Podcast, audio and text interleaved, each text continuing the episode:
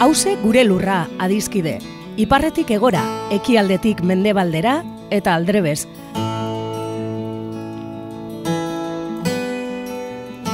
Lurra bakarra dugu edo gaituen lur bakarra da hause. Eta zaintzat dan hori dagokigunez, hemen horretaz egingo dugu berba. Lurraren zaintza kontu ekonomiko, ekologiko eta politikoa da, baita kulturala, kolektiboa eta publikoa.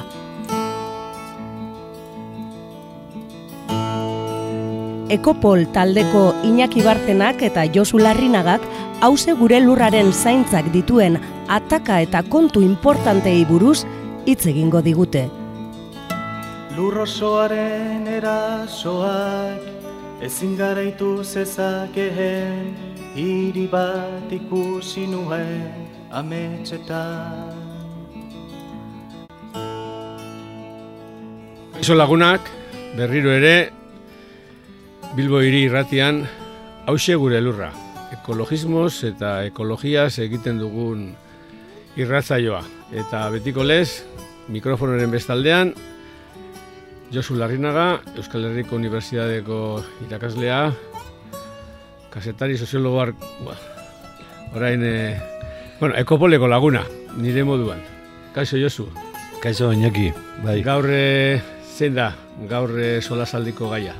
Bueno, ba, ahora hasiko naiz eh, Jorge Rizmanen eh, zita batekin, baina apokrifoa da, ez naiz ondo goratzen, baina berak alako batean esaten du batxutan interesgarria dela pensamendu erreakzionarioaren eh, argitasun terrible hori edo itxel hori edo ikaragarri hori edo alako, alako adjetibo bat erabiltzen du Rizmanek, baina ondo goratzen ez dudanez, ba, bueno, ekartzen dut eh, ba, estatu batuetako konservatzaile bat, konservatif, e, bat e, Ross Doudaz e, izeneko kasetaria, New York Timeseko e, zutabegilea, zinema kritikaria, The Atlantic aldizkariko zuzendaria izan dabe bai, eta hori, ba, berak esaten du konservatzaile hartzen du bere bere burua, nik esango nuke ere reakzionario, reakzionario zamar badela, baina, bueno, batxutan, hoiek ere argitasun ikaragarria erakusten dute eta i, interesgarria iruditu zaite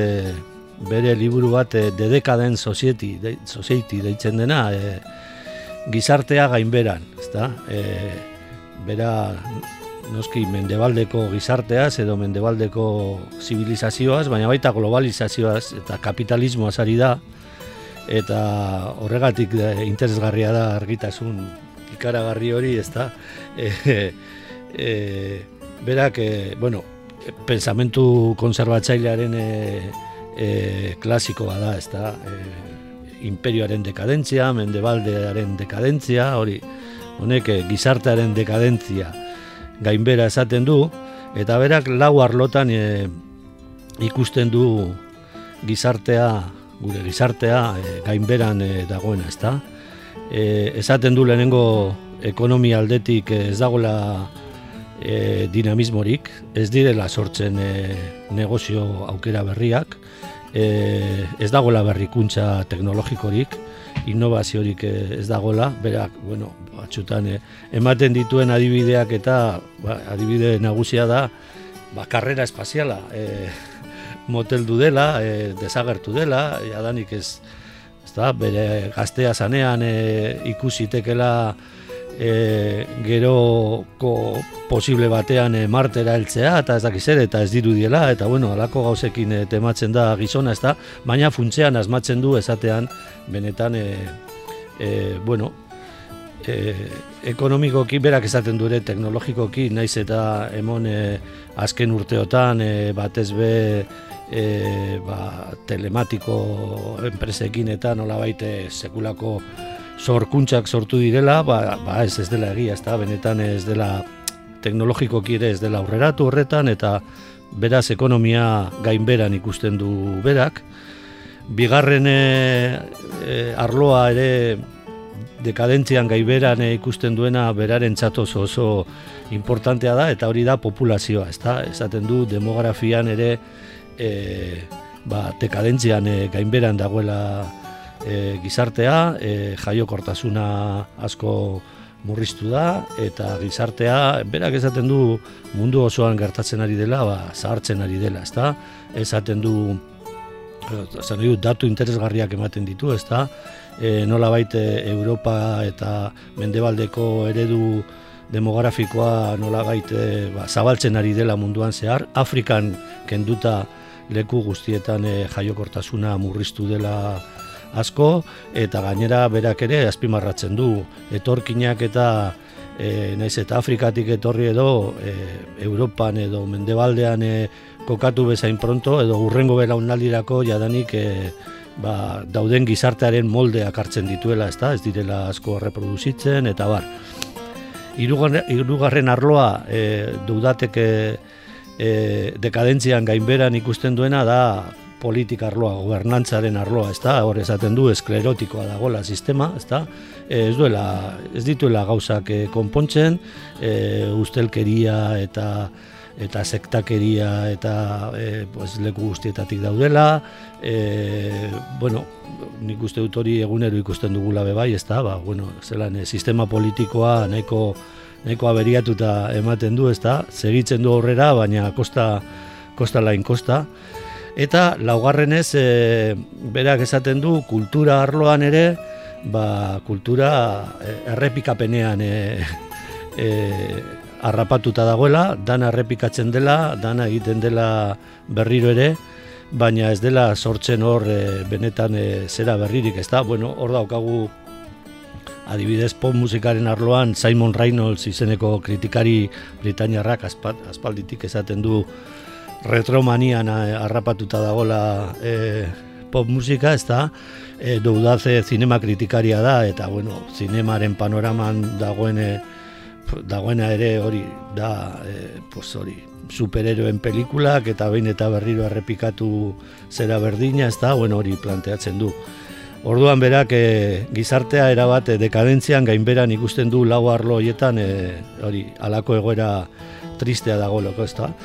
Noski, doudati ekologismoa eta arazo ekologikoak ba, nola baite bosa sola, ez da. E, berak esaten du, ba, aipatzen du aldaketa klimatiko eta bar kostatzen zaio bere liburu horretan ailegatzea esaten du e, e, bai, izan daitekela problema bat, e, problema larri bat urrengo hamarkadetan, baina nola baita apuntatzen da berzino optimistara eta esaten du, bueno, ba, hori azkenian ere e, dekadentzia horren gainbera horren e, paradigman kokatzen dela, Baina dekadentzia hori, ba, bueno, ba, erromatar imperioan bezala, e, pues, bos pasei mendetako kontua izan da, daitekela, ez da, alako dekadentzia edo gainbera triste, baina, baina gozo bat, ez da.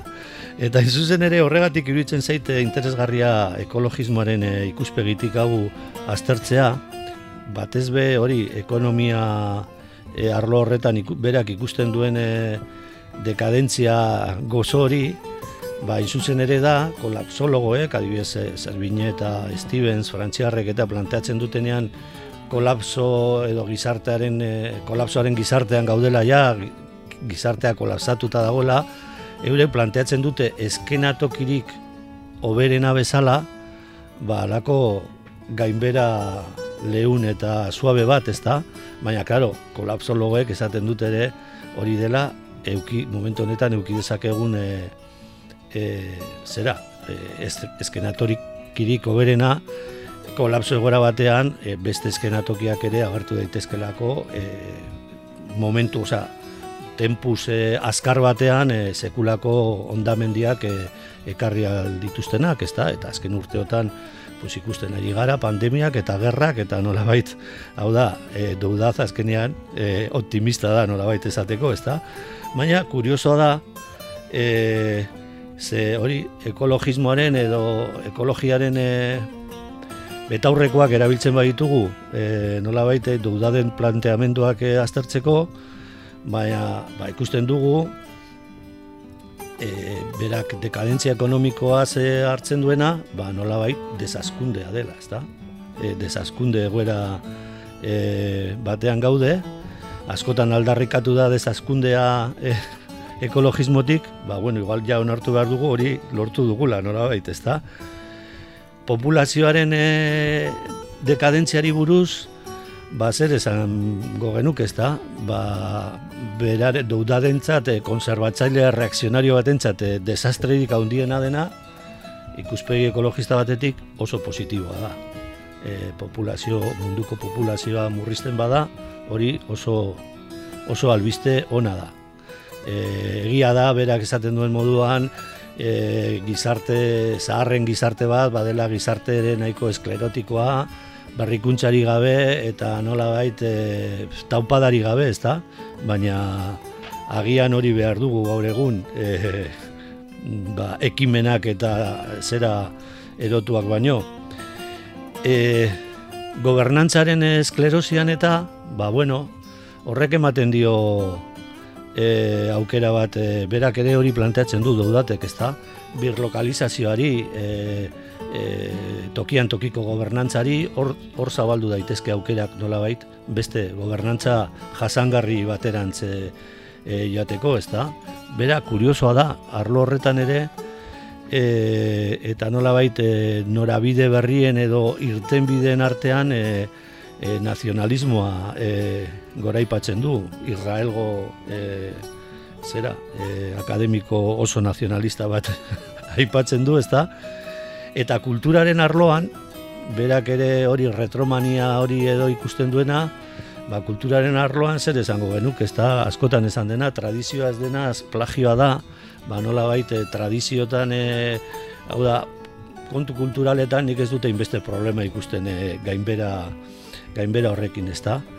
Ba, baina hori, e, irtera eskenatokietan, pues, albiste e, txarrik ez dago hor, ez da, pa, kolapsoa, dekadentzia do gainbera, eta bir sorkuntza edo, edo iraultza horiek dira mm, e, ikusten diren eskenatokiak eta dudatek ere ikusten dituen e, e, zeak, e, eskenatokiak, ez da? Orduan, zentsu horretan, bakarrik e, e, utziko dute, berak garrantzia handia ematen dio e, bebai erligioari, berak kristaua dela onartzen du, baina planteatzen du horre ere, nola baite, ba hori, dekadentzia horretatik, e, alako animo berezi bat eh, sortzeko e, gizartea berpisteko berak e, garrantzia handia ematen dio espiritualtasunari edo nola baite metakontakizun erligiotsu berri bat e, ekiteari. Eta hori da nola ere ekologiaren inguruko eta ekologismoaren inguruko debatetan ba hortik e, ezta egan dabilen e, kontu arriskutsu eta komplikatu bat, ezta? Baina kuriosoa da, berak ere, ere hor e, nolabait irtenbide bat ikuste, ikustekotan esaten du ba, New Age e, sensibilidadeak eta panteismoa eta aloko da naturarekin lotutako e, diskurso religioso batzuk e, ba, berak planteatzen du orain arte ez dutela ere nolabait asmatu jendea erakartzen, baina hortik egon daitekela ere alako irtera bat dekadentziarako. Beraz, ba, bueno, e, pensamentu reakzionarioa, nire momentu honetan, hori, e, doudatek behintzat, e, ez dio begiratzen ekologiari eta hor informazio asko galtzen du, baina bere pensamendua irakurrita, ekologismoaren ikuspegitik ere informazio asko lortzen da, eta bueno, horregatik garri dut e, gai hau. Ederto, Josu, ba, igual Jorge Reismanen liburuak pasatu beharko dizkiogu, autore honi, eta ja, e, pinpini nauzu ja, desioan e, liburu hori eskuratzeko eta irakurtzeko zen. Alde batetik, e, bai, beti izan da horrela, hau da, e, guk e, zientzia politikoan azaltzen diogu ikaslegoari e, erreakzionarioak eta konservadoreak ez direla gauza bera. Europan, erreakzionarioak dira irautzaren, irautza burgesaren kontra, e, arrazionalismoaren kontra hartzen diren religiosoak eta nolabait kontraira ultzaileak, ez? Eta konservadoreak, eta hor dago konservadoririk konservadorena, eh, Manuel Fraga, eh, fascista, falangista, izan sana frankista eta gero demokrata eta hogean hil sana, ez? Orduan, konservadoreak dira posizio bere estatusa mantentzeko, bueno, aldatu aldatu egiten dute, aldatu beharrekoa, baina mantenduz eh, bere posizioa eta nolabait konserbatzen euren privilegioak, ez? Alde horretatik, claro, hau estatu batuetatik dator eta bueno, ba, oso interesante egiten duen egiten duen e, irakurketa, ez? Niri beti etorri zaiburura olako gaiak ateratzen direnean, ikusti dut, e, e, estatu batuetako pertsonairik argitzuenetariko bat izan zen Francis Fukuyama, ez? E, berak esaten duenean, Sobietar batasunaren kolapsoa ikusten duenean, ba, historia bukatu dala, ez? Kapitalismoak irabazi du, demokrazia liberalak izako du.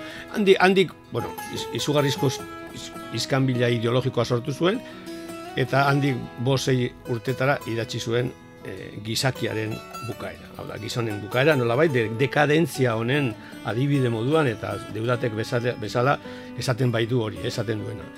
Orduan, naredok, e, duela gutxi idatzi du liburu bat, e, e, kritikaren bukaera, bebai, e, la kritika abandonada, ez? Eta berak esaten du, pasarte baten, desaskundearen mugimendua eta desaskundearen ideia, ekologistek erabiltzen duguna, ez dala oso zuzena, zeren desaskundea badator. Zuk esan duzun bezala, edo, edo deudatek esan duzun bezala, dekadentzia ekonomikoa hor dago, kolapsoa ailegatzen ari da, eta munduko leku askotan kolapsoa badago. Ez?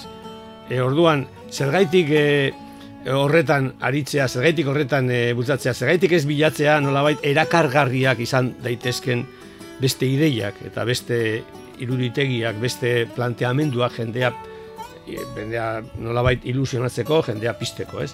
Bueno, claro, zuk esan duzun bezala, ba, deudatek eh, adibidez, eh, euskarri bat ikusten du erligioan, ez? Nire ustez, bueno, bai, vale, hori hor dago, eta segurazki mm, sektore privilegiatu edo elitista askotan, dirten bide, edo, edo, edo, bueno, soluzio bide bat bezala ikusi daiteke, baina nire ustez, ni Marsekin bat nator erlijioa herriaren opioa da. Hau da, e, espiritualismoa ondo dago, errespetagarria da, baina e, munduak mugitzen dituen gauzak dira kontu materialak. Ni oso materialista naiz, alde horretatik, e, errazionario edo, edo konservadore hauek egite dituzten diagnostikoak, batzutan oso, oso interesgarria dira. Eh? E, ez bakarrik konservadoreak, batzutan bebai liberalak edo, edo eko, ekokapitalistek egiten dutena. Asuntua da, diagnostikotan egon gaitezke adoz, baina soluzio bidetan ez. Zeren hauek azkenean bilatzen dutena da irten bide bat betiko entzat. Elite entzat. E, batzu entzat. Adibidez populazioa aipatzen duzunean. Claro, populazioa da arazo izugarria planeta honetan. Eta orduan, berak Afrikari buruz e, pentsatzen duenean, ez du ikusten Afrikan dagoen miseria edo pobrezia edo, hau da, mundua gero eta asimetrikoagoa da, mundua gero eta askarrago muitzen da, baina mundua gero eta pobrezi gehiago dago munduan. Orduan, nola heltzen diote arazo horri? Hauek arazo horiek e, naturaltzat ematen dituzte, bueno, pobrezia da, bueno, pues, galtzaileen e, patua, ez? Bai, hor argita garbi egiten dute astoarena, da, ez ikusi algoetara eta aurrera eta bai, bai, problema horiek ez dute ikust, ez dituzte ikusten, ez dituzte ikusi nahi, ez da. Bai, Fukuyama ipatu duzu eta bera oso oso Fukuyamista da, nola bai, eta asko ipatzen du Fukuyama, eta klaro, bere irakurketa gaina liburuaren azpititula da, nola gure arrakastak eraman gaituen e, dekadentzia honetara, edo lako ez da, bera, zentsu horretan, Fukuyamaren kasuan, arrakaste dugu, baina orain, ere planteatzen du nolabaiteko fatalismoaz logikoa da, da, e, edo zein e, fenomeno kulturala eta eukik, eukitzen du bere gaiurra eta gero badatorre gainbera, ez da, eta claro, berak bilatzen ditu irterak e, e, egoera horretatik irtetzeko, baina e, zuk esan moduan, claro, irterak ikusten baitu dira beti elitistak eta beti dira gainera hori, e, benetazko arazoei musin eginda edo begiratu nahi izan gabe, ez? Baina, bueno, bai, bai. Eta gero dago beste kontu bat, eta da zein da, neurentzako e, e, eredu erreferentzial, hau da, eurek beti abiatzen dira, euren e, gizartearen parametrotatik, euren gizarte zuria, aberatza, e, kapitalista, monopolistiko, imperialista, hortatik, hori hori da mantendu nahi duten, eta hori ikusten dute dekadentzian. Baina ikusiko balute mundua beste ekosistema bat bezala, nun, ba, saspi mila milioi jende bizigaren, eta ba, dauden kulturak, dauden, e, bueno, eurek, e, ikuste dute, eurek, nola zuk esan duzu bezala, Fukuyamak esaten duen bezala, e, irabazleak izan direla bere zibilizazio honetan, baina hau pikutara doa. Hau pikutara doa, irabazleak izan zarie, baina e, eta zer gertatzen da beste ereduekin, zer gertatzen da beste kulturekin, zer gertatzen da munduan dauden e, beste parametroekin. Hori da nolabait, e, nik uste dut ekologismoak maigain, edo feminismoak, edo internazionalismoak, edo, bueno, beste mugimendu soziale maigainan ipintzen dituztenak, ez? Orduan, e, bueno, ikas dizagun, e, irakurtzen e, hauen e, komeriak, ba, jakiteko, ba, bueno, zer diagnostikoak eta nola ikusten duten, nola aztertzen duten mundua, oso oso interesgarria da, baina ez, ez, ez dugu konpartituko euren soluzio bideak. Hori da nire. Bai, kuriosoa da, liburuan, momentu batean, hori nola baite irteteko edo gerorako edo hori e, dauden diskursoen artean eta ere sozialismoa aipatzen du, bere ala aipatzen du, claro, batar, batasun sovietikoaren e, demasakeriak eta desastreak eta, baina egia da, hor ere, nolabait, momentu batean, esaten du, ba bueno, diskurso horiek ere berriro orain e, nolabait daudela sortzen eta jende asko erakartzen dutela eta eta hor elipsi bat dago. Eta batean ja ez du ez gehiago esaten horri buruz eta otra cosa mariposa pasatzen da beste kontu batetara ez da? Zentsu horretan ba, ba bai kuriosoa da e, irten bide batzuk edo zea ikusi nahi ez dituela argita garbi. Dudate honek ez da Bueno, ba, oso interesantea eta, bueno, ba, deudateri bere obrak irakurriko dizkiogu ikasteko, beti dago nolabait, etxai ideologikotik beti asko ikas daiteke, hori dutarik gabe. Eta zein da ekarri duzun e, kanta? Bueno, ba, hortik goratu nintzen de, dena dago dekadentzian kantatzen zuela okene abrego bapekin, baina uste dut kanta hori ja beste batean ipini genuela. Ez dut denborarik euki konprobatzeko eta orduan beste bat pensatu dut. E, Guider Station da talde kanadiar bat, Tamara Linderman itzeneko neska bat da bere liderra da, iaia partaide finko bakarra eta e, bueno, berak e, tematika ekologistak eta asko jorratzen du e, bere kantetan eta oraina publikatu den azken disko geldoa, baladista eta suabe suabea, dekadente samarra izan daiteke musika hori, baina oso gozoa da ignorantz izeneko e, kanta eta bueno, hori, ba, justo gaur ignorantziaren kontrakoari buruz e, jardun dugun ez ezta, hori beste batzuen gan ere zeo zer ikasi daitelaka, daitekelako bakanta hu. Ignorantz, eh, Widar Station.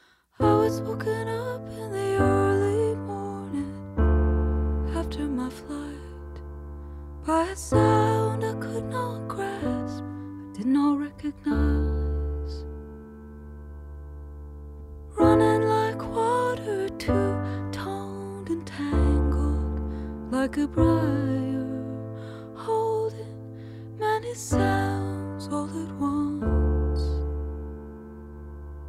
It was a magpie, you told me, as you handed me your coffee. The black and white bird you see And you pointed out the window, looking straight